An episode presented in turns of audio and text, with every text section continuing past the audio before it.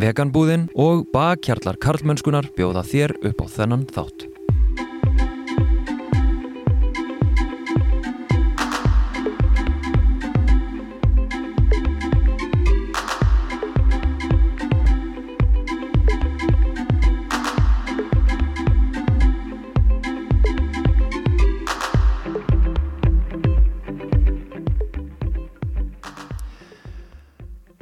Gísli Marsteinn Baldursson, fyrirverandi borgarfulltrúi og sjálftillaði núverandi óofinber borgarfulltrúi, kaffihúseigandi og sjónasmaður, uh, stjórnandi, já, sannlega vinsalasta skemmti þáttar í dag. Velkomin. Takk fyrir.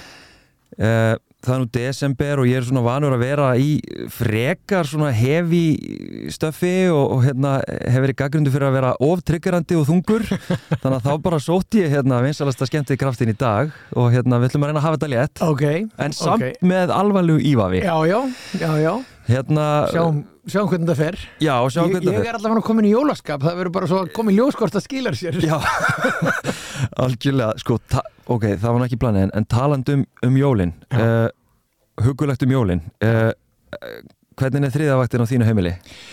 Uh, sko, ég er ennþá að læra um þriðavaktina, ég var að lesa greinina ykkar hjóna frábær já, já. og svo er ég með skriftu í, í vikunni sem að gerði, Berit gerði um þriðavaktina þannig að ég er á fullu að læra Býtu, Hver var það? Hún heitir Erna Sólei og, og Áskrimsdóttir og hún er bara dásanlega manneskja sem að hérna, við, ég var eitthvað að tala um þriðavaktina út á greinin ykkar og, og var eitthvað að slá um mig og var eitthvað, hérna, var eitthvað að segja já ég er bullandi þriðavaktin, ég er að mála hérna rúm fyrir dóttu mína. Og hún bara það er önnuvaktin Nákvæmlega sko. Þannig að ég var snarlega leiðrættur með það. En, en hérna, já þannig að sko þannig að eins og allt svona og eins og það sem þú ert að gera í þessu hlaðvarpi og svona þá, þá hérna, þarf maður aðeins að velja ætla ég að þverskallast og þrjóskast og eitthvað, þegjavaktin, hvað er nú það? Mm.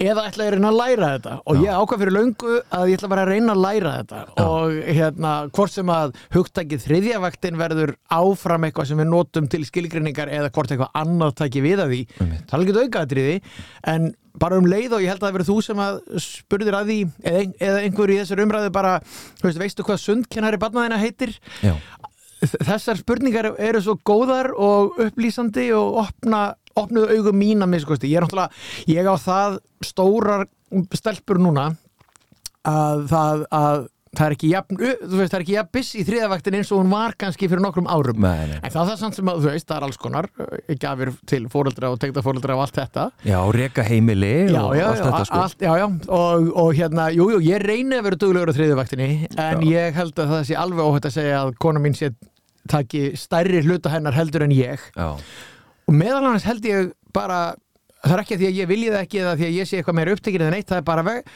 vegna þess að ég hafði ekki fatt að þriðuvaktina Já, og ég meina við göngum bara inn í þetta hlutverk þú veist, Já. bara samfélagsgerðin skilur við bara erum mótuð og mótumst Já. og svo bara einhvern veginn allt í hennu sittu uppi með bara shit, akkur er þetta svona? Já. og þurfum að reyna að vinda ofan þessu. En svo er ég náttúrulega að reyna að vera með þú veist, setja inn mína hluti inn í þriðjuvaktina hver er það sem setur á Christmas Vacation? Í tækið og allir verða gladir er það ekki þriðjuvaktina? Já, bullandi álag bullandi álag á þér. Eða eitthvað skilur baka pipokökur, eitthvað svona smottir í. Ég er að reyna að setja það sem mér finnst skemmtilegt að gera Já. og ég vil, vil trúa að búi til góða stemning og ég er að reyna, er að, reyna að flokka það á þrýðuvaktina ég veit ekki hvort það er að ganga upp hjá mér en, en það má reyna. Já, já, má reyna. Já. en talandum að reyna, sko, hérna uh, að því mér finnst bara svo áhugavert. Nú er ég sko aðeins yngri en þú og hérna, og í rauninni hefur náttúrulega bara fylgst með kannski síðan að þú varst þessi ef að segja skemmtikraftur, hættir í pólitík. Bara þessi baksa, hún er svo áhugaverð. Ég ætla ekki að fara djúft í það en bara sko meða við hvernig þú ert að tjá þig þú ert að tala um borgarpolitík þú ert að tala um hjólregar, þú ert að tala um svona vinstri mál í rauninni. Já. feminískur, þú veist ég tengi þetta ekki við sko þína politík í, í, den sko. Nei, nei, sko það er alveg, alveg áhugavert í sjálfu sér eða, já, ég veit ekki hvort að hvort að hlustendu finnst það endilega en sko þetta, þetta gerðist ótrúlega lífrænt, þetta og kannski þess að flestir myndu halda væri bara, ég væri frá sjálfstæðisheimili og þess vegna dóttiðin þetta, það var alls ekki þannig Nei. ég og vini mínir úr bregðoltinu við vorum ekkert með neitt, neina sjálfstæðistengingar eða neitt ástæði fyrir að við urðum sko þetta er náttúrulega þetta er þetta er hérna, þú veist late 80s, þetta er bara sent á áttinu og byrjun nýjunar þá eru við bara fullu í ræðumennsku og svona. Og á þessum tíma, þetta er Stengimur Hermansson tíminn Já, það sem er sko bullandi pólitísk spilling, þú færði engin störfnum og sért í réttum flokkum og eitthvað svona. Á þeim tíma er bara frjálsíkjan rosalega rótækt afl til þess að rista upp í öllu. Þetta er náttúrulega algjört kalla samfélag Já. og við vorum engin feministar, ég er langt frá því að segja það bara þvert á móti, við vorum mjög asnalegir í öllu svoleiðis eins og flest voru, þarna voru bara þú veist, einhverja stelpur í rauðsokkurnar þar á undan og svona og, og allir, þú veist, það var orðið samþygt þá, en svona nýji feminismin var varla kominn allavega er ekki inn í okkar vitund en, en okkur fannst samt sem áður að það væri svona eitthvað samansúrrað samfélag hérna sem að enginn kæmist inn í. Og ég held að upplifun okkar gagverti hafa alveg verið sama upplifun og upplifun stelpnana sem voru að nálgast út frá feminískum forsendum. Og, og hérna ég var alveg fór í gegnum tíðinbila sem ég var að hugsa hvað var eiginlega að mér, akkur var ég stattur þarna? Og svo hef ég aðeins séð að, að, að þetta var rótæknin þá bara eins og í dag er það sko veganismi og feminismi og alls konar svona sem er að brjóta upp eitthvað staðnað ástand. Frjálsíkjan var það þá já, ok. Og menn gleyma því líka náttúrulega bara að 1991 er Daví Oddsson bara rótakasti stjórnmálamæðurinn í íslensku samfélagi. Veist, það voru ekki einhverjir alþýðubandalagsmenn sem vildu bara halda gamla, þú veist, feðraveldis bændasamfélaginu, Daví Oddsson og Jón Baldin Hannibalsson sem að, þú veist, eru kannski ekki vinsælastir hjá, sko, ungu fólki í dag, sumu hverju allavega, þeir voru róttökugænir Já, sem voru að koma fram og segja brjótum upp þetta samfélag, leifum fleiri blómum að blómstra, skilur, leifum fleirum að koma upp í gegnum þetta með því að losa um þessa samtryggingu einhverja sérhagsmuna og örfáur aðlar áttu allt og þeir voru að brjóta þetta upp. Og þetta hljómar rosalega skringilega núna að sjá Já. þá sem unga róttaka menn en þannig var það. Já, og ég svona var mjög hrifin af þessari baráttu þeirra. Þetta gekk út á að, að gera Reykjavík öflugri, brjóta niður byggðastefnuna sem hafði gengið út á að halda uh, byggðum víða í einhverju pólitískri öndunavél með einhverjum, þú veist, ríkis aðgerðum þar til dæmis bara stóriðju eða eitthvað svoleiðis og og þarna var, og komu einhverjir yngri menn sem að sáu þetta einhvern veginn aðeins öðruvísi. Og ég held til dæmis að margt sem að þeir gerðu hafi bæði verið mjög gott fyrir, fyrir konur, uh, fyrir hinsegin fólk og svo framvegis. Mm. margt af því kannski byggði á baráttu feminista eða umhverfisinna eða, eða hérna, mannréttindu baráttu fólki fyrir réttindum hinsegin fólks. Mm. en, en það þurfti einhverja svona unga nýja stjórnmálamenn sem að þeir voru til þess að gera þetta. Já, Svona sé ég þetta minnstu kosti. Já, aðrir kannski sjá þetta einhvern veginn öruvísi en, en hérna, en þetta mér fannst þetta vera mér fannst þetta vera eitthvað eitthva rótakt afl þá. Mm. síðan, bara, síðan er ég bara í sjónvarpinu heil lengi og, og svo allt í henni kemur hérna sjálfstæðarflokkurinn og býður mér að, að taka sæti á lista og mér fannst það bara upphefði því. Ég var þá með mjög mikið áhuga á borgarmálum og sama þar sko að þar, þar hafði sko erlistin ráðið svolítið lengi. Ég var sammála mjög mörgu sem þau gerðu en þau voru orðin ferlega þreytt og, og líka með mjög margar mjög vondar skoðanir fannst mér. Þau voru endalust að dreifa byggðinni e, hérna byggðu hverfi sem eru alveg fín hverfi í dag en, en hérna en að mínum að þetta er alltaf mikil dreifing byggðarinnar, Norlingaholtið, Gravarholtið e, áfram í, í hérna, ætlu að byggja 25.000 manna byggð í Úlfarsfelli, ég var alveg mótið þessu öllu. Mm. og er ennþá og hérna uh, ekki á móti fólkinu sem býr þar en er á móti sem sagt við höldum áfram í þessa átt. Já, og þannig ég dett inn í, inn í sjálfstæðsflokkin svona sem mótvægi gegn þessu. Og fannst það bara frábært fannst frábært að vera í borgarstjórn. En, en síðan kom þar þessi innri tókstreita milli það sem við getum alveg kallað frjálslindi eða íhaldsemi og mér fannst bara svolítið mikil íhaldsemi í alls konar hlutum þetta mm.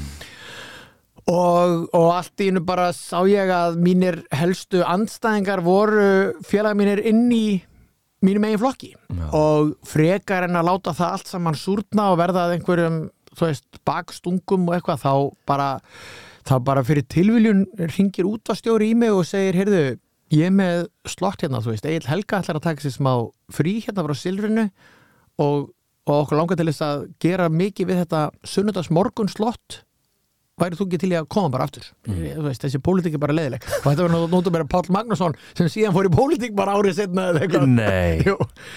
en, hérna, en ég er honum æfinlega þakkláttur fyrir þetta og, og, hérna, og hann, hann síndi þarna eitthvað mjög gott nefa því að hann hitti á mig á nákvæmlega þessum tímapunkti þar sem ég var komið nóg af þessu. Var líka farin að sjá hvað hvað einstaklingurinn getur breytt miklu sjálfur í bara svona grassrótar aktivisma. Mm. uh, og, og ég átti, vinnir okkar höfðu bóð okkur í mat um kvöldið, voru svona eitthvað áttamann saman. Og ég sagði við þau, heyrðu, Pótt Magnússon hindi mér í dag. Og þetta var allt fólk sem hafði sko stutt mig rosalega í prófkjörum og svona og, ja og ég sagði, hann var að segja þetta bara kom aftur í sjónvarp og þau sögðu bara öll einum rómi do it. Þetta er toxic umhverju sem þú ert í. Farðu hitt og síðan er þessi búin að vera í sjónvarpunni þannig að þetta er rauninni þessi bói hann er, hann er kannski ekki jafn ólógískur og hann virkar Nei. þegar maður sér þetta í fyrsta skipti. Nei, Sko, mér er bara svo áhvert, þú veist, þú nefnir hérna að þú ert á móti dreifingu byggðar og hérna, og svona rótæknin, sko, sem þú rekur í grunninn, þú reynda nefnir íhaldsemina síðan sem að þú finnur fyrir og, og, og verður til þess að þú ferð úr pólitíkinni, sko. Þannig að því að núna fyrst einhvern veginn sjálfstæðisflokkurinn eins og í borginni vera svona það sem að til dæmis grafósbúar, ég meina, ég held að sjálfstæðisflokkurinn sé fáran að stóri grái já. og í útkverfunum já. sem að upplefa sjálfstæðisflokkin sitt fólk. Já, Horfið þú líka á þannig í dag? Já, það, ég held að þetta sé bara staðrind og, og, og það er alveg stór stúti af hverju þetta er þannig. Að mínum að þetta er þetta ekki endilega lógíst vegna þess að eh, vegna þess að ég veit ekki hversu margir sem er að hlusta á þetta hlaðvarp eru djúpir í skiplásmálunum en, en látum vaða. Sko ef þú byggir 25.000 manna byggði í Úlvarsfelli þá mun það fólk allt saman þurfa að komast í vinnuna í vestur hluta borgarinnar, það eru flestu störfin og þau munu verða þar áfram, einfallega bara því að landsbítalinn er þar og háskólanir eru þar mm -hmm. og ferðjónustarinn er nýri bæ, þannig að það fólk mun áfram þurfa að komast á bíl þangað. Þannig að allir þeir sem búið í grafavóginum voru núna fastir í umferði í áttunsbrekkunni er að fara að lenda í miklu miklu meiri umferðateppum eftir því sem við fjölgum meira í úlvarsfellinu mm -hmm eða þá að það verði byggð sundabraut og öll þau sem ætla að fara sundabrautina munir þurfa að fara í gegnum grafavógin eftir vegi sem heitir halsvegurinn mm -hmm. til þess að komast inn á sundabrautina. Þannig að alveg saman hvernig litið á það þá er þetta að fara að gera lífskeiði grafavógsbúa verri og minni með því að byggja mikið í úlásvellinu og ég reyndi alveg árum saman að fara upp í graf og, og tala um þetta við grafavógsbúa en, en ég held að það verði ofan á einhvers konar svona sjálfsmyndar um, hérna stríð, ef við getum orðað þannig, er þetta ekki mm. kallað culture wars í bandaríkjunum þar sem að, þar sem að þessu fína fólki í grái finnst bara eins og þeir sem að tala um þéttingu byggðar og meiri byggð hérna en vesturfrá og byggð í Vassmýri og eitthvað svona, að þau séu ekki að sinna sér. Mm -hmm.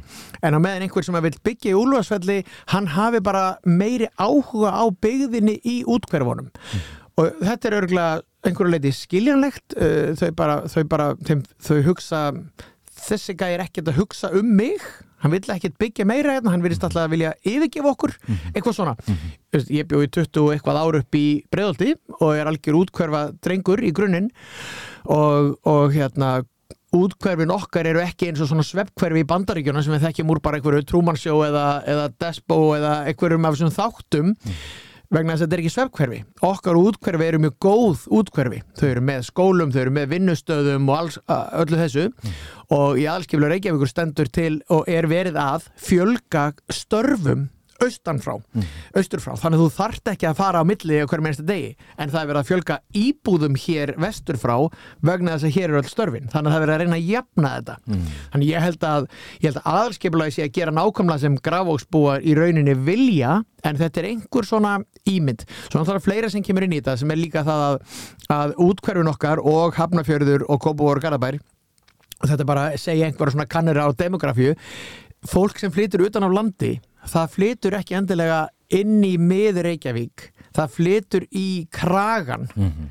og þá meina ég bæði sem sagt kragan, formlega hérna, kjördæmi kragan og síðan líka í útkverfin í Reykjavík mm -hmm. það er svona doldið skiljanlegt þú, kannski, þú vilt alveg koma til Reykjavíkur út af einhverju störfum og börnin eru kannski hérna og svona mm -hmm. en þú vilt ekki fara alveg ofan í miðja borgóttans Nei Nei, nei, men, ég ætla að draga það úr skipilagsmálunum sem að ég heyri að þú getur talað um endalvest en það brennur fyrir það. Og, hérna, og kannski hluta að þú teitlaði hérna, óformlegan borgarfulltrá hérna, það sem að þú ert mikið að vesendist í þessu. En þú ert líka mjög hérna, myndi ég segja allavega Twitter uh, sko vókal, hvað var þar uh, já, bæði jafnbrettsmál og, og kannski ekki síst uh, svona já, umhverfismál og það sem að ég get ekki tólka öðru sem heldur en, en veganisma, mm þráttur að ég veit að þú ert ekki vegan. Já, það er rétt, ég er ekki vegan og ég hef bara verið vegan cirka einn mánuð af æfiminni sko, okay. já, bara til þess að prófa.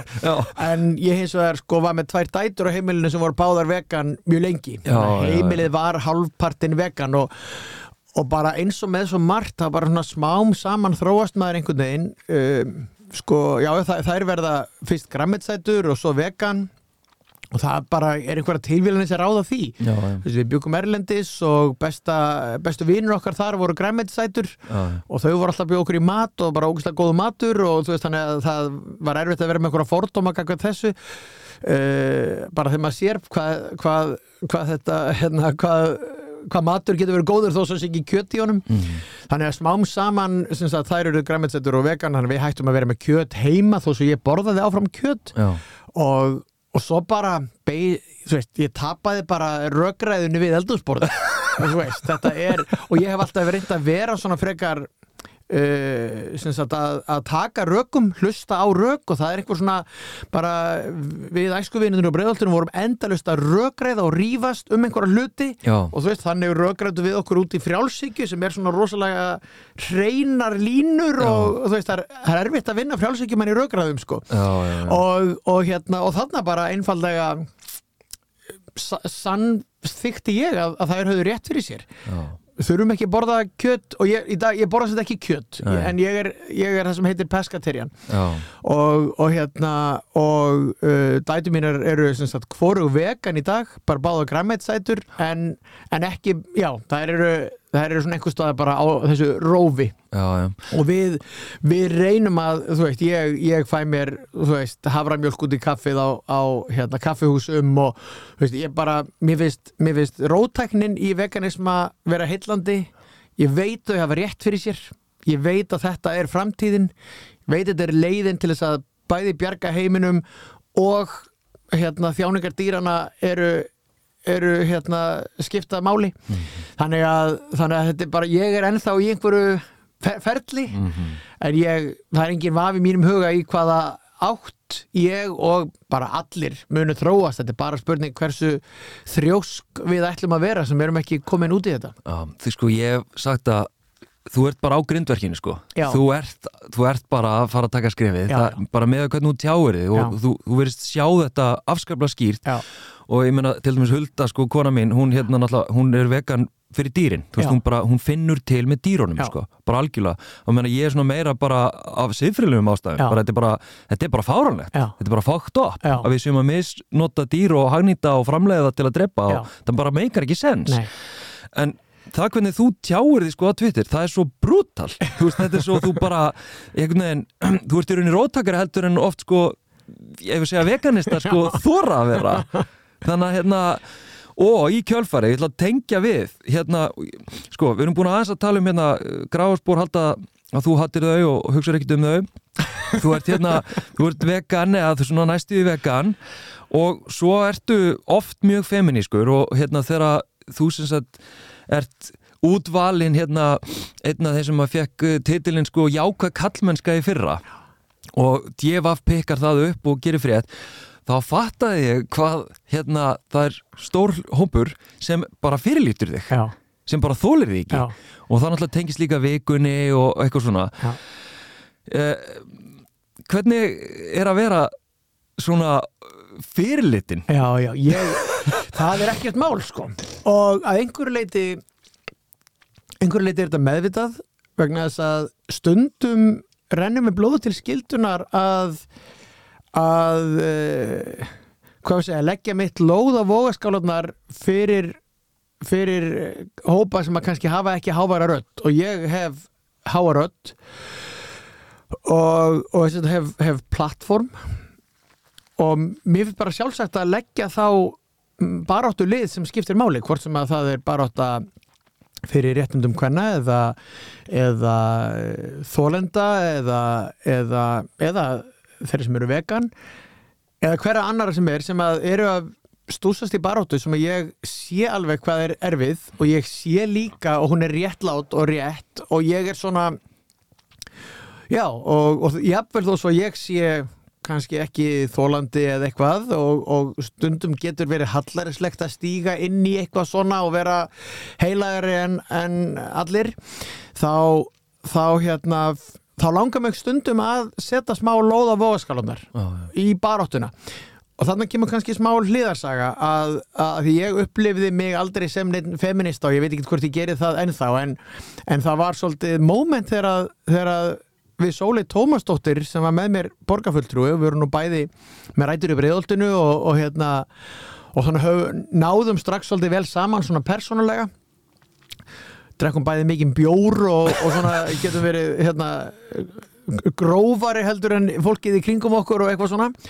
Um, við föttuðum að það voru sko ekki bara sömu típunar heldur en ákvæmlega sömu einstaklinganir sem voru að senda okkur einhver ógeðsleg skilabóð henni út af feminískri baróttu hennar mér út af baróttu fyrir betri hjólastígum. Já, já.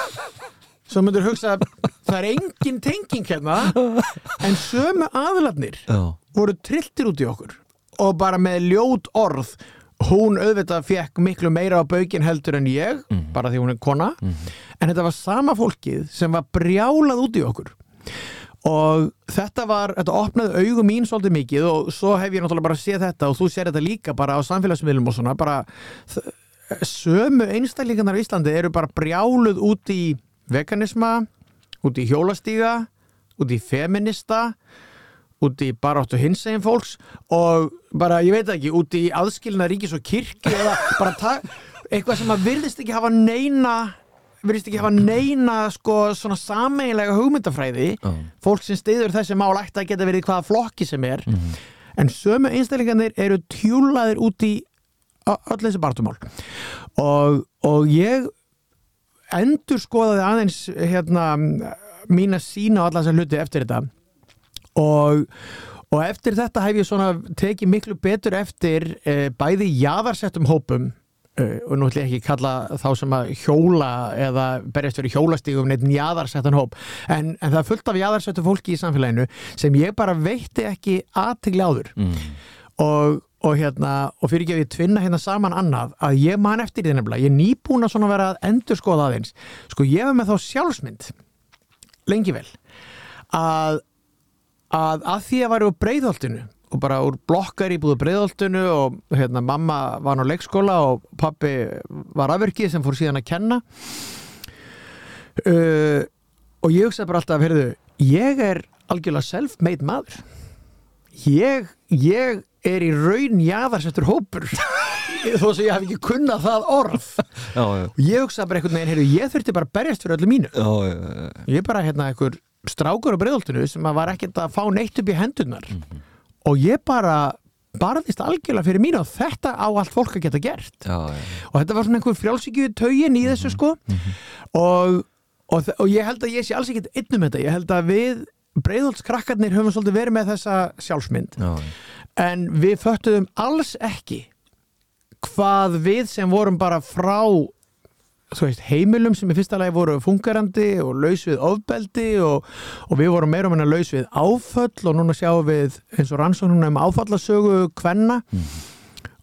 og svo bara með því að hafa augun opinn og lesa viðtölu við fólk og svona þá sér maður sko veist, ég hafði sko lifði bara forréttinda lífi mm. miða við svo marga aðra. Mm. Og maður sér hvaða áhrif þessi áföll og erfitt heimilishald hafði á alls konar krakka. Fyrir utan bara hitt að jafnvel, jafnvel bara stelpur, jafnaldrur mínar sem að voru bara á fyrirmyndur heimilum og allt það hvað þær þurftu að berjast meira fyrir sínu heldur en ég mm.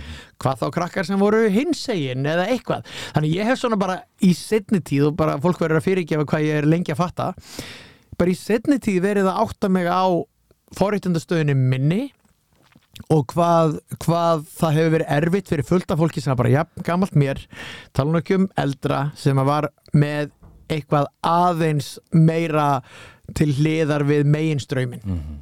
þannig þannig að þetta hefur svona aðeins verið að móta það hvernig ég tala núna mm. og hvað mér finnst um hluti bara við þá að opna augum mín fyrir þessu og svo verði ég nefnilega líka sko að þú veist ég á tvær dætur sem eru bara svo, hérna, svo klárar og eru endalust að láta mig heyra það uh, við eldursporðið og okkur fóraldrana mm.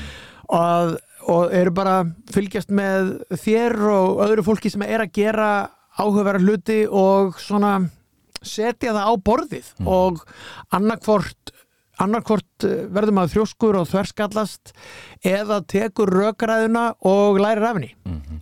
Sko, einmitt, taka rökgræðuna og einmitt, talar um þessi forréttindi sko, ég meina, byltingar hérna síðustu ára, bara MeToo-byltingarnar og, og hérna, og allar þessar byltingar sem hafa verið í gangi uh, þar eru náttúrulega pólitískar en þar eru líka persónulegar og við bara sjáum það, það er mjög já, ekki bara kallar, það er alls konar fólk. Það er líka alveg alls konar konur sem að bara finnst þetta alveg komið út í öfgar og svo ótrúlega óþægilegt. En ég ætla að spyrja svona persónulega, hvað er það sem að veist, við byltingarna núna, sérstaklega kannski ég veit ekki hvort það á að kalla setni MeToo-byltinguna byltingu 2-3 þú veist, þetta verður daldi svona þú veist, þetta verður daldi, þetta, við erum að tala um nöfn, við erum, við erum að tala um einstakleika sem að standa, já, fólki mjög nær, þú veist, ég menna það er bara ofnbært, ég menna það eru vinir þínir sem að hafa verið nefndir í samingi við ofbeldi. Hvernig tekst þú á við þetta, bæði bara personulega og eins líka þegar þú ert svona nálagt mönnum mm sem eru ofnbæla já, myndir eða sagðir hafa beitt ofbel Já, já. Mér finnst það bara vera mjög erfitt eins og ég held að öllum finnist eh, þessi umræða og en það má aldrei, ég, ég minni mig alltaf á það að hún er auðvitað lang erfiðust fyrir þólenduna og, og alveg sama hvað okkur vinunum líður illa yfir einhverju, þú veist hvernig á okkur er sótt þá, þá náttúrulega þú veist, þá er auðvitað alvöru þólendur sem að sem að skipta öllu máli. En, en hérna, já, já, þetta er bara mín kynnslóð og kallar eins og ég hafa bara þurft að endur hugsa allt það sem að uh, í bæðið allt, allt okkar líf og hvað við höfum hérna, hvernig við höfum hagað okkur og, og hérna, og ég held að ég held að heimurinn sé að verða betri út af þessu mm. en auðvitað er þetta ekki sársökulegst mm. Og, og ég, við þurfum auðvitað fyrst og fremst bara að hlusta. Og svo náttúrulega er bara er aðeins misjáft hvernig þeir sem hafa verið nefndir í þessu hvernig þeir taka því. Mm. en, en mér finnst þeir hafa komið best út úr þessu sem hafa virkilega hlustað. Ekkert endilega gert neitt ofinbarlega en, en ég veit það því að ég stenda um nærri að þeir þeir eru að taka þetta inn á sig og þeir eru að hlusta og þeir átta sig á því að þeir gerðu einhverja hluti sem að voru ekki lægi og, og eru að reyna að bæta fyrir það hver með sínum hætti. Og, og bara þetta er þetta, ég held því bara mikilvægast að, að fara ekki einhverja svakalega vörn gangverð þessu að ég held að það geti menn að innan. Mm. heldur bara fatta að þetta er einhver þetta er ekki pendul sem sveiplast fram og tilbaka þetta er, þetta er framþróun sem að sem að við munum öll græða á mm. og þau sem að taka þessa baráttu og er, er þeim mjög erfið uh, er náttúrulega hérna raunverulega hetjur sem eru að gera lífið betra fyrir mm. þau sem á eftir koma uh, þannig að ég held að það þurfa að taka þetta einhvern veginn þannig mm. og, og um, já já við við hérna gerum best held ég, menn ég er 50 við sem erum 50 pluss erum ekki þau sem erum að leiða þessa baráttu, við þurfum bara að reyna að læra og eftir aðtökum endur með það hvernig okkar æska og unglingsár voru og svona og ég veit ekki, ég hugsa mjög mörg okkar svona hristum aðeins hausin yfir því hvernig það var. Líka stelpur á mínumaldri sem að segja luti eins og þetta, ég hef nú aldrei verið að vörfi neitt svona mm -hmm. það var nú aldrei neitt klip í rassin á mér mm -hmm. sem er svona hérna sem að einhvern tíma hugsaði, já nákvæmlega hvernig, þú veist, akkur er það ekki en svo síðan bara þarf maður að halda fram að hlusta og lesa og, og læra mm -hmm. uh, þetta var bara hluta af því hvernig samfélagið okkar var og hvernig önnur samfélag eru ennþá, því ég held að við séum svona frekar duglega að tala um þetta hér og ég held að hér náu þetta þú veist eins og í bandaríkjunum er þetta aldrei mikið bara eitthvað Hollywood eða stjórnmálun eða eitthvað en, en við erum sem betur fer það grund samfélag þar að segja byltingar hjá okkur ná betur niður á botn heldur en uh, í öðrum samfélögum. Í öðrum samfélögum er kannski á botninum bara einhver aðall eða eitthvað sem að, sem að næ, svona hlutir ná ekki til. Mm. En ég held að hjá okkur þá er þetta, þá er þetta ég held að, ég held að enginn hafi verið ósnortin af þessu og það næri enginn þú veist, þó svo, er, þó svo að ég, ég og mínir vinnir síðan komnir í einhvers konar forreitenda stöðu hérna, þá þýðir ekkit fyrir okkur að, að reyna að horfa fram hjá þessu. Við verðum bara allir að taka þetta til okkar hvort sem að við erum sjálfur nefndir í þessu eða ekki. Mm -hmm. Það er, það er daldið tilvíljana kent kannski hverjir eru nefndir að því við vorum allir hlutir af, hluti af sko bara eitruðum samskiptum, Já. held ég. Já, bara menningunni og kultúrnum og, og, og það er með það sem að ég trublast yfir sko, þegar að hérna, fólk segist alltaf vera hlutlust þú veist, annarkort hérna, þráast á móti og fyrir vörn og þetta er nú ósangjant og greiði ég og gerir sig að fórnalömpum og allt mm -hmm.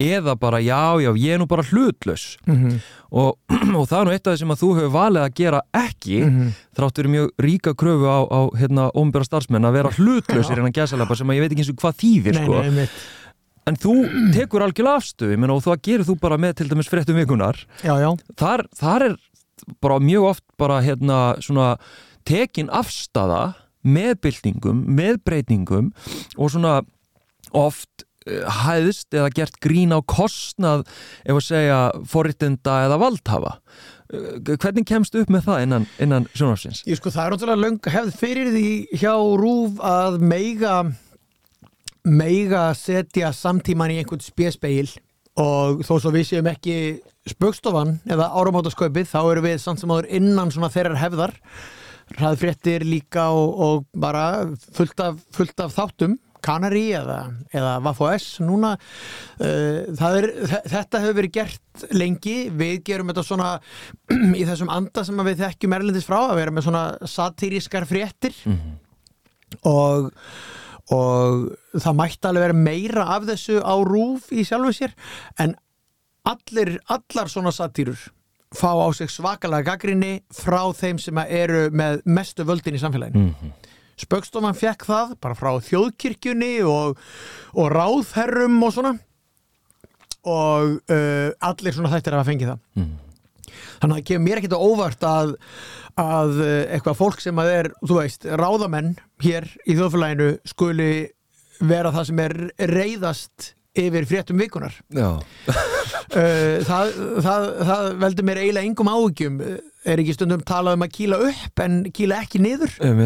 Og, og hérna og þátturinn er, er sá vinselasti í, í sjónvarpinu af, af einhverjum svona spjalláttum og það segir mér bara að, að almenningur er hrifin af þessu. Mm -hmm. Og, en við er sko hlutleysi, ég meina, mér finnst við alveg að vera hlutlaus, það er miklu meiri það væri miklu meiri hlutdragni í því að þeia Já. og segja ekkert um það þegar að hvað við segja, KSI-málið er, er í gangi eða, eða þegar hérna, já, já, þessar litlu byltingar eru í gangi. Ef að, ef að vikan myndi ekkert segja neitt um það þá væri það svakalega afstæða Já. Þannig að, þannig að hlutleysið er alls konar uh, hérna mér, mér finnst við ekki vera hlutræg í því hvernig við tökum þetta. Við tökum, við, við, við heyrum að bylgjan er í gangi og, og, og eða byltingina hvað það er. Uh, Ísla hlutleysi þjóðarinnar er ekki að vera á móti þessari byltingu eða reyna þegjana í hel. Það væri ekki hlutleysi í því að velja þá afstöðu Þannig að við erum hvorki rótækust nýja íhaldsömmust í þessu. Við reynum að vera bara einhvern veginn í þeim takti sem að, sem að samfélagið er í mm. en, en valdamenn sem heyra ekki þann takt þau verða að reyða auðvitað og það er bara, það er óskum hérna, eðlilegt og, og þau þurfa bara að reyna að hlusta betur, held ég. Ja. En sko, ég menna, en hlutleysið er samt oft, þú veist, tengt við sko réttarkerfið, saglusin sektir sönnuð mm -hmm. veist, sem er oft þá reynd að beita til þess að þakka niður umræðina Mhm.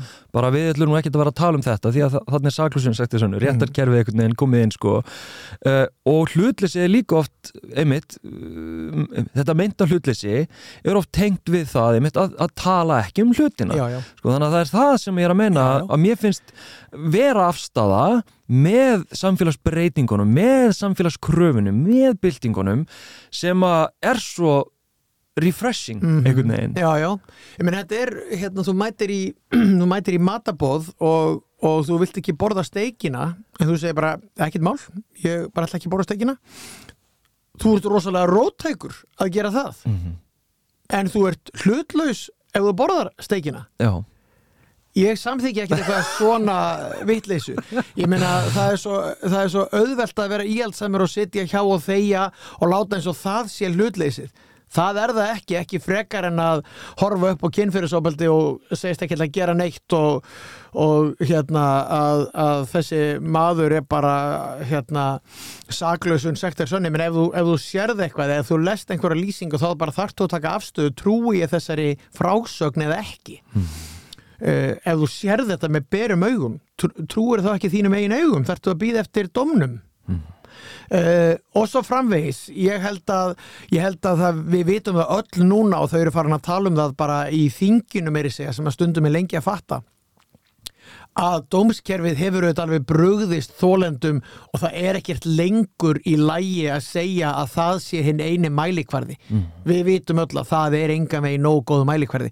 Dómskerfið sjálft er farið að viðurkenna það. Þannig að þau sem að segja það ennþá eru bara ekki að fylgjast með. Nei. Þannig að hérna, það er bara komnir er bara komin önnur viðmið í samfélaginu og við þurfum bara að þú veist, ég vorkin er bara þeim sem eru ekki búin að fatta það en, en þau munu gera Það- sumt fólk er bara rosalega lengi að fatta verður það alltaf bæði í þeim þeim byltingum sem við erum að ganga í gegnum núna og það munu koma aðri hlutir eftir 20 ár sem við getum ekki einu sinni spáðu núna hvað er Nei. sem að verða nákvæmlega eins. Þar sem að, þar sem að íhaldsemin reynir að segja að einhvers konar status quo sé hlutlaust. Uh, ég meina ég veit þú vilt það ekkert en ég ætla aft- aftur að fara í skipulagsmál. Það er bara eins og að segja að það sé hlutleysi að styðja núverandi ástand í samgöngum. Ég er bara hlutlaus, ég er ekkert eitthvað róttækur í neinu, ég bara, þetta er ekki fínt eins og það er. Eða að segja, leifum bara byggðina að þróast náttúrulega og náttúrulega sé einhvern veginn að byggja 20.000 manna byggð upp í Júlfarsfelli það er ekki náttúrulega til það, það er pólitísk ákvörðun rétt eins og að þjætta byggðina. En þeim sem eru íhaldsamir finnst að vera einhvern veginn náttúruleg þróun að dreifa byggðinni en rosaleg pólitík að þjættana hvort vekja er bara ákvörðun sem sami stjórnmálamæðurinn þarf að taka. Og það gildir um líka kynferðisafbrot og það gildir um veganisma eða, eða hvað sem við erum að tala um.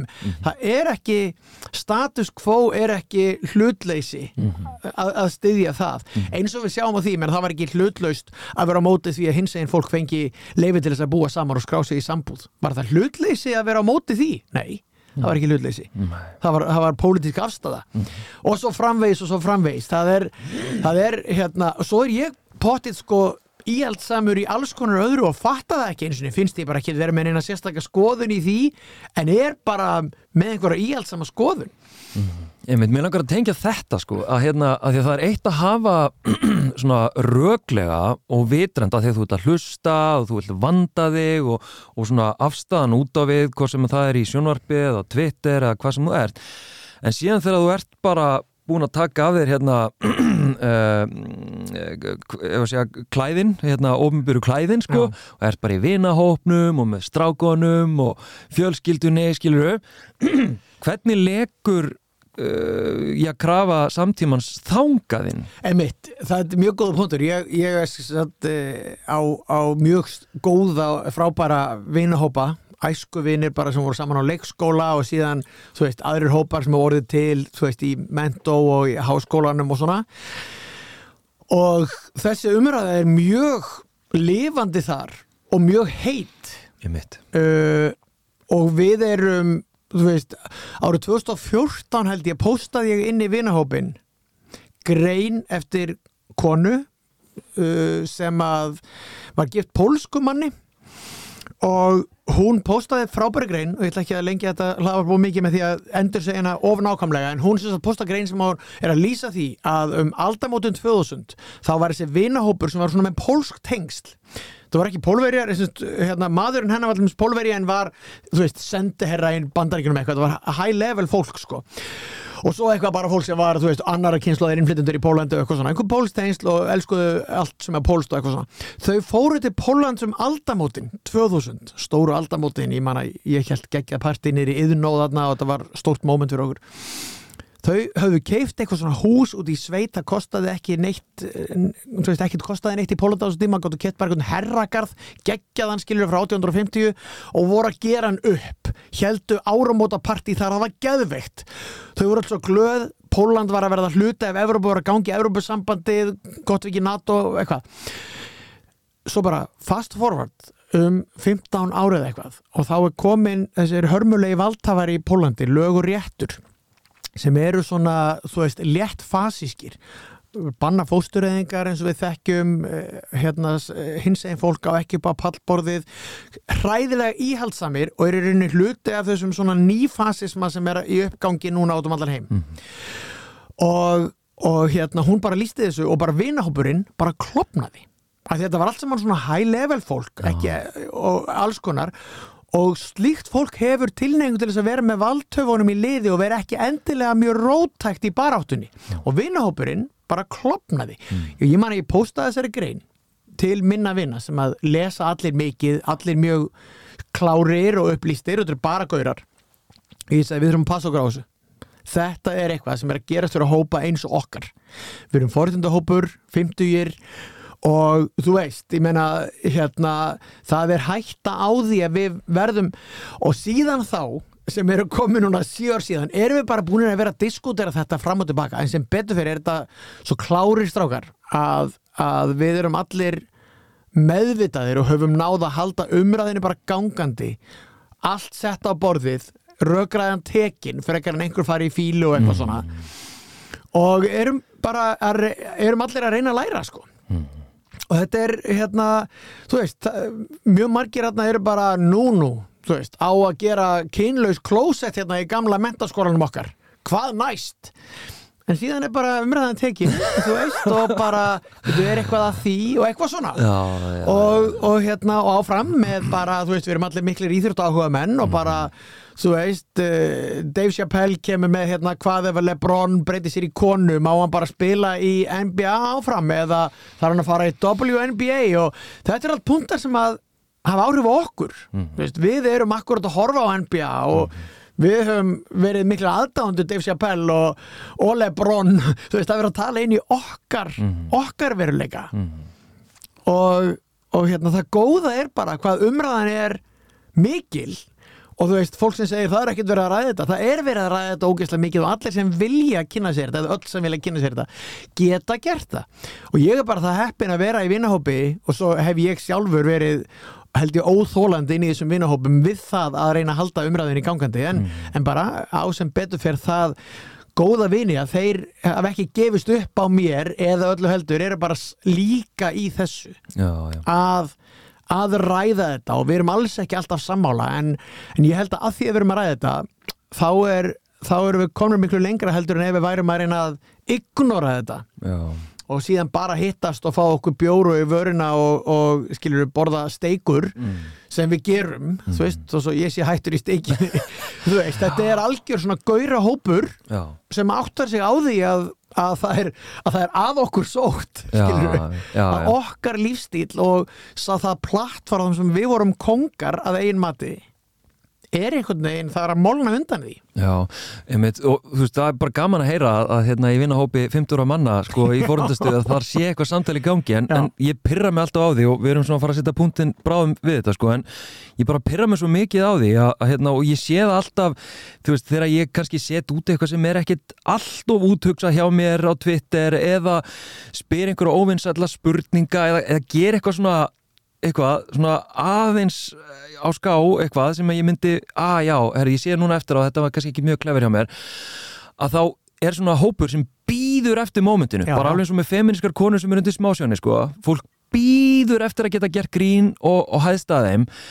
Uh, og það er ákveðin hópur svona, já, einhverjum svona grínara og svona hlutlausra einstaklinga sem að býða eftir mómentinu að gera grín og hæðast og allt þetta. En, en sama fólk segir ekki neitt þegar byltingarnir er í gangi. Þú veist, ber Já, já. fyrir sér hlutleysi Já, og allt þetta. Ég, ég bara, ég styrlast yfir þessu Já, sko. já, þú mátt ekki styrlast yfir þessu. Þú, hérna, Ég er eldri en þú sko en ég er komin aðeins lengra með þetta.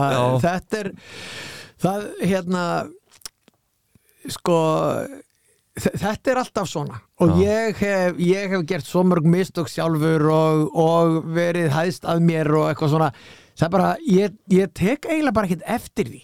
Ég, mér finnst þetta fólk algjörlega meiga gera það. Já, ég, veist, ég er í forréttandastöðu, ég með hennan þátt á rúf og ég get komið fram og gasað um eitthvað sem fyrir rosalega taugarnar og alls konar fólki. Einmitt. þó það nú væri að þau fái að sparki mig þegar að ég er þegar að ég ger eitthvað illa úthugsað eða það er bara gott sko. Já, ég, eða þegar að þið tekið fyrir árumótasköpunu eða eitthvað, ég meina Já, hérna, það, ég meina ég er, ég er eins og besti að skjóta í allar áttir Mhm. að önnur skjóta á mig á móti og bara það, það verður bara að vera þannig. Ég kannski hef átt að taka þetta víðar af því að það er meira sko það sem að pyrra mig auðvitað pyrra mig þegar þetta snýra mér persónulega en ég mitt eins og þú sko ég get tekið þó að þessu óþægilegt en það er meira áhrifin sem þetta hefur akkurat á ef að segja baróttuna eða málefni sjálfu sér. Já, já. að þetta mynda hlutleysi það er, það kemur svo skýrt í ljós þegar að fólk mistiðu sig að segja eitthvað sem er óhugsað eða vanhugsað að þá kemur bara höggið sko Já, alveg niður hérna massíft sko. Sko fólk náttúrulega að almenningur og ég hef algjörlega verið þar og er oft þar. Almenningur er náttúrulega ekkert mjög hrifin af fólki sem að er að predika yfir öðrum. Nei, sem að, er að, sem að sendir frá sér væpið. Uh, ég er betur en þú. Já, já, já um, nú ætla ég að segja þér hvernig lífið er. Uh, veist, það að þú setja að borða þessa steik þýðir bara að þú stiður pyntingar og dýrum, vinnu minn. Ég finnst engum gaman að heyra þetta?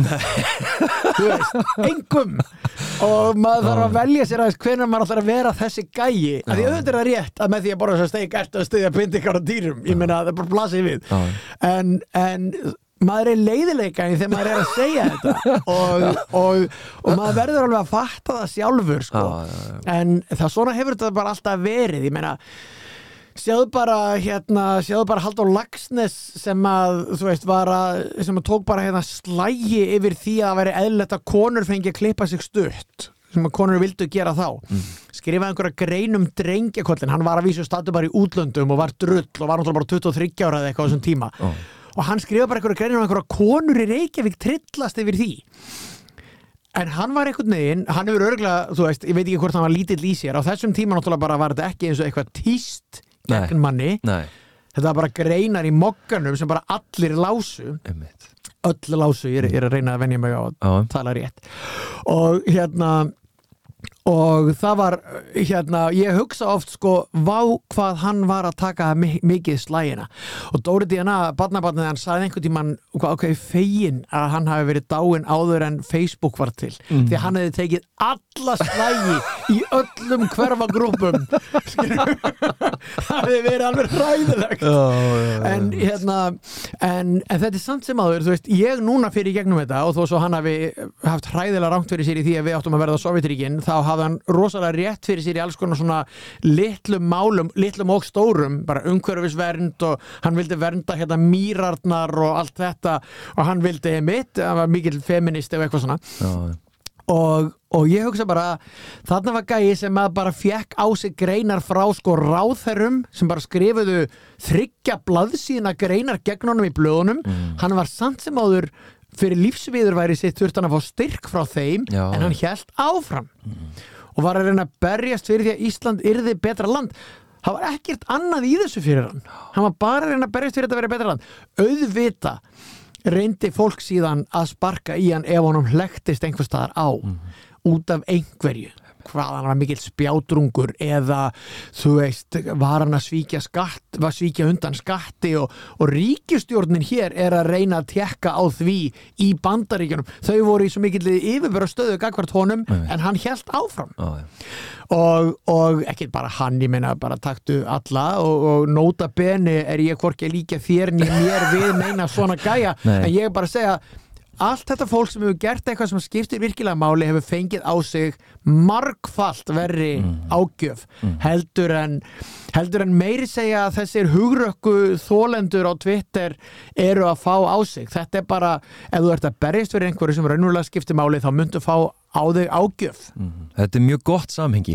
Hérna að lokum, hvað, hvað er framundan hjá þér? Ég meina þú ert bara áfram með vikuna. Er, er, ertu með æfiráðningu í vikunni? Nei, Hvernig, er, nei. þetta, er alltaf tekin staðan bara í árslokk? Em, Ætlu að halda áfram eða ekki? Já, veist? það er nú svolítið þannig sko og bara yfirmenn mínir á RÚV eru sko ég, ég var hálf efins um hennan þátt í byrjun þetta var uppálega sko sem morgun þáttur á sunnudegi, svo var ákveð að færa hann yfir á föstudag og ég var svona eitthvað, "Ö, eru þið vissir með þetta? Þetta er nú búin að ganga vel á sunnudagsmotnum og eitthvað svona. Já.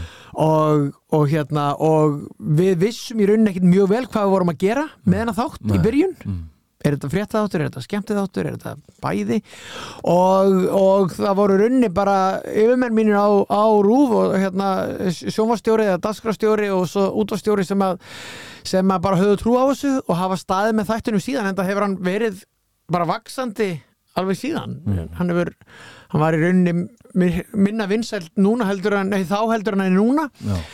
þannig að þetta bara hefur gengið vel og, og, en, en við auðvitað, við tökum fund eftir hvert einasta tímabil og hugsum ok, hvað er hvernig gekk þetta, hvað var gott hvernig getur við breytt og bætt. Og svo er ég líka svona smá ég menna þetta er þetta tekur toll. Þetta er, þetta er hérna þú svo ég sé alltaf ekki að kvarta, þetta er eitt þáttur í viku en, en við leggjum rosalega mikið í þetta sem erum í rittstjórninni á þessu. Þú veist, Bergstedt Sigursson sk- skrifa fréttir vikunar og, og það er ekkert auðvelt að uh, vera fyndin í hverri viku. Sumar vikur er ekki mjög stórar í fréttum og eitthvað svona. Já. Þannig að hérna, og, og þessi veturinn mitt, ég menna veturinn á undan og eitthvað hafa verið sko kostningavetur og það hefur búið að vera eldgos og ríkistjöndur hafa verið að springa og eitthvað svona uh, þessi vetur hefur verið svona frekar tíðinda lítill Já. uh, Guðlu og Þór bjarga okkur aðeins með því bjóðu sér fram gegn bjarna Já. og veist, allt svona sem gerist er fagnaðarefni fyrir fólk sem er að sjá um samfélagsþætti Já. En já, já, ég, ég sé ekkit annað fyrir mér en að ég verði áfram í vikunni og, og svo ger ég svona tilfallandi verk upp á upp á rúf sömuleiðis mm. á sumrin, við erum með svona einhverja þætti í bígerð og erum í handritsvinnu með þá Mm. uh, mig langar til þess að rúf leiði mér að gera þætti um, um Reykjavík uh, ég bæði mentaði mig í því og hef svona ástriðið fyrir því líka og við erum svona að skoða hvernig, hvernig væri hægt að gera svoleiðis Mm. og já, já, og fleira ég menna, hérna yfir maður minni mitt sagði, já, það væri gaman að gera þetta um Reykjavík, hvernig væri að byrja á breiðoltinu Já. hvernig væri að byrja á að gera, þú veist, breiðolti á það skilið að fá góða þætti um sig Einmitt. Ég sko, ég bara þetta er svona algjör hjátur sko alveg ótengt efnislega, ég bara er að hugsa núna að því ég er að muna í vikunni þá ertu með þrjá gesti Já. og þú ert, ég reyndar hef séð þú ert með eitthvað blað með þér oft sko, Já. en oft ertu bara alveg blaðlaus ertu, og þú kynnir alltaf viðmælandurinn þú hérna, þú veist, stundum ertu ekkit með eitthvað brjálæðslega þekta einstaklinga. Já, og þú fer línuna og kynni nafnið og segir hvað viðkomandi gerur og eitthvað. Ertu aldrei stressar í beinni útsendingu að þú bara blankir og Jú. munur ekki nafni á viðkomandi? Hverjum einasta þætti? Hverjum einasta þætti er ég skítrættur um það. Og ég klúraði ég klúraði sko nafninu á Áslegu Örnu Nei. Jú, jú, bara live og ég er búin að byrja afsökunar því að ég, það var svo fárunlegt, ég veit upp á hár hvað hann heitir. Hérna bara, þú veist, vinkona mín eða kunningjakona í gegnum mörg ár Já, og þá bara sagði ég Áslaug Auður sem er sko stelpa sem ég var með í skóla. Já, já og ég þekki bara líka mjög vel. En það var akkurat svona. Og ég man alveg þegar ég sagði að nafnið hennar vitlaust, Já, það bara sortnaði mér fyrir augum. Já, Þú veist, ég hugsaði bara er ég að fá heila blóðfar það var að vísu í áramóta þætti þar sem ég var örglega með svona 20 nöfn sem ég þurfti að kynna. Já, en hennar nafn var örglega það sem ég kunni best. Já, já það var bara eins og að gleyma eiginnafni eða eitthvað. Og, og þetta sko mjög öll sem eru í fjölmiðlum eh, við skrifum eiginlega alltaf nöfnin á blaðið fyrir framann okkur bara til að vera með það. Mhm, og, og, hérna, þetta, og þetta hefur komið fyrir mig áður meiri segja sko, hérna, eða oftar. Já, en að því að þá ertu bara með svo margt sem þú ætlar að muna og bara allt í einu á sekundinni að því að sko hálf sekunda er svo Já. þú veist, ef að, ef að ef ég ætla að segja nafnið þitt og allir vita það og ég er bara í hálfa sekundu að þegja þá veit öll þjóðin, hann man ekki nafnið og líka bara samtölu, þú dega samtölu þrjá einstaklinga og halda þræði, menna, þú veist hérna mætið þú og ég er með svona stepping stones fyrir mig, ég veit hvað ég ætla að fara inn í en þú er með þrjá. Já, já, og ert að halda líka flæði. Já. Þetta er, hvernig, hvernig preppar þig? ég ger þetta þannig að ég leik þáttinn Mm. og leik svörin hjá öllum. Ok, ef ég segi þetta, þá mun hún segja þetta. Ég veit það, ég er búin að hlusta svo mörg viðtöl mér ég er sko háður svona viðtölum. Já, hlaðvörpum, tímaritsviðtölum í gamla daga, mér eru alltaf fundist að bara skemmtilegast sem ég geri er að le lesa sem fólk er að segja og núna er setjum tíð hlusta á sem fólk er að segja. Já, bara hvað fær fólk, hv- hver er mótorinn inn í þessu fólki, hvað er það sem virkilega heldur þeim gangandi, á hverju hafa þau áhuga og ég hef verið svona bara síðan í mann eftir mér. Bara, Ok. þú veist, fólkdari mín eru áskrifundur af einhverju tímaritum, ég las þau alltaf í tætlur. Ég las æfisögur fólks alveg í tætlur og núna sem sagt er það hlaðvörpun og svona. Og mér finnst bara fólk vera áhugavert og skemmtilegt.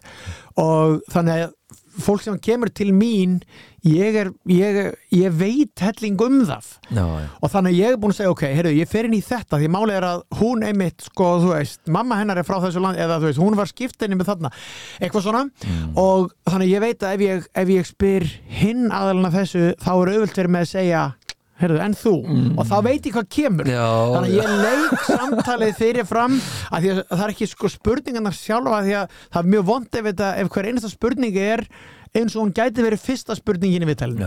Þetta þarf að verða flæði og ég þarf að vita að ef við förum að tala um þetta að þá mun hinn gesturinn geta pikkað upp að ég veit að hann hefur áhuga á þessu. já, já, já. Þannig að þannig undirbýja mig sko. Einmitt. Þannig að undirbúningurinn byrjar áður en ég vel gestina. Einmitt. Þannig að já, heyrðu, hér er smá tenging þannig að, já, og síðan, síðan leiki ég þetta og svo, ég, svo skrifa ég handritið veist, ákveð, ákveður ég ætla að byrja þaðan er eðlilegt flæði yfir í þetta og svo framvegis en þetta er eins og að plana ferðalög til útlanda það er gott að plana og bóka gististafina en það er nöðsynlegt líka að geta breytt til og sagt, heyrðu, nei, við erum fyrir ekkert aðra nótt hér þú veist, og þátturinn er alveg eins að bara ef að eitthvað umræðefni allt í hennu poppar upp bara eins og þú fórst núna að tala um þetta sem ég held að þú ekki ætlaði að gera nei. þá, þá bara eldi maður það Já. en maður er samt sem maður með, með handritið tilbúið og þetta er það sem er skemmtilegt Já. Þú veist, við erum, núna erum við að undirbúa jólaþátt sem er í loftinu 16. des og við erum sem sagt uh, við erum bara að hugsa ok, ef við tökum Egil Helgásson eins og við höfum oft gert þú veist, þá getur hann talað um þessar bækur en þá er kannski ekki gott til þess að vera með einhvern annan rítumend með því hann er kannski að fara að segja að þetta séu þrjár eftirlæðis bækurnar hans og þá verðum við.